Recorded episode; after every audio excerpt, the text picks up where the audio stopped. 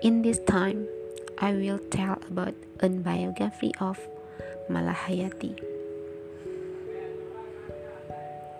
His full name is Keumalahayati, but is known as Laksamana Malahayati.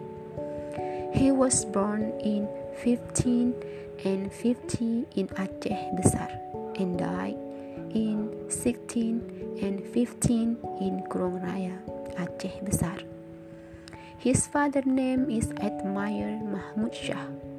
During childhood and adolescence, she received an education in the palace. Malahayati is still in touch with the Sultan of Aceh. His father and grandfather served in the Aceh Sultan as commander of the navy. From them, the spirit Malahayati sea emerged.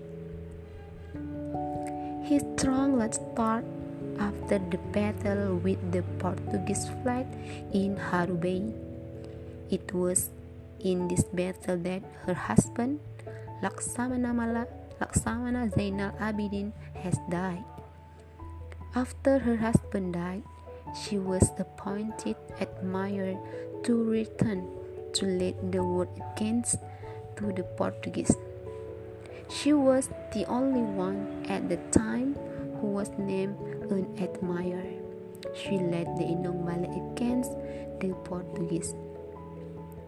Malahayati had also against Dutch troops when she was in duty of protecting the trending Port Aceh in 15 and 99.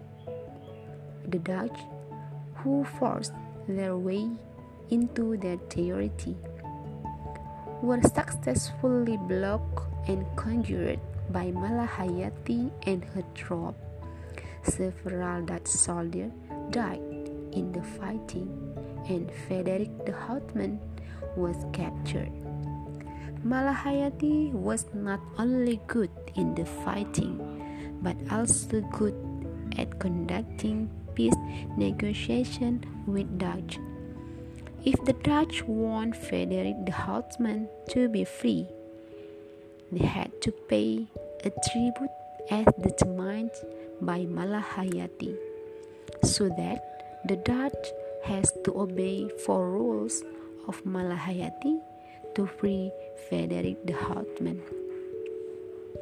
She is one of heroes of Aceh or Indonesian woman who is good at sailing to defend the nation and state from the invader attack.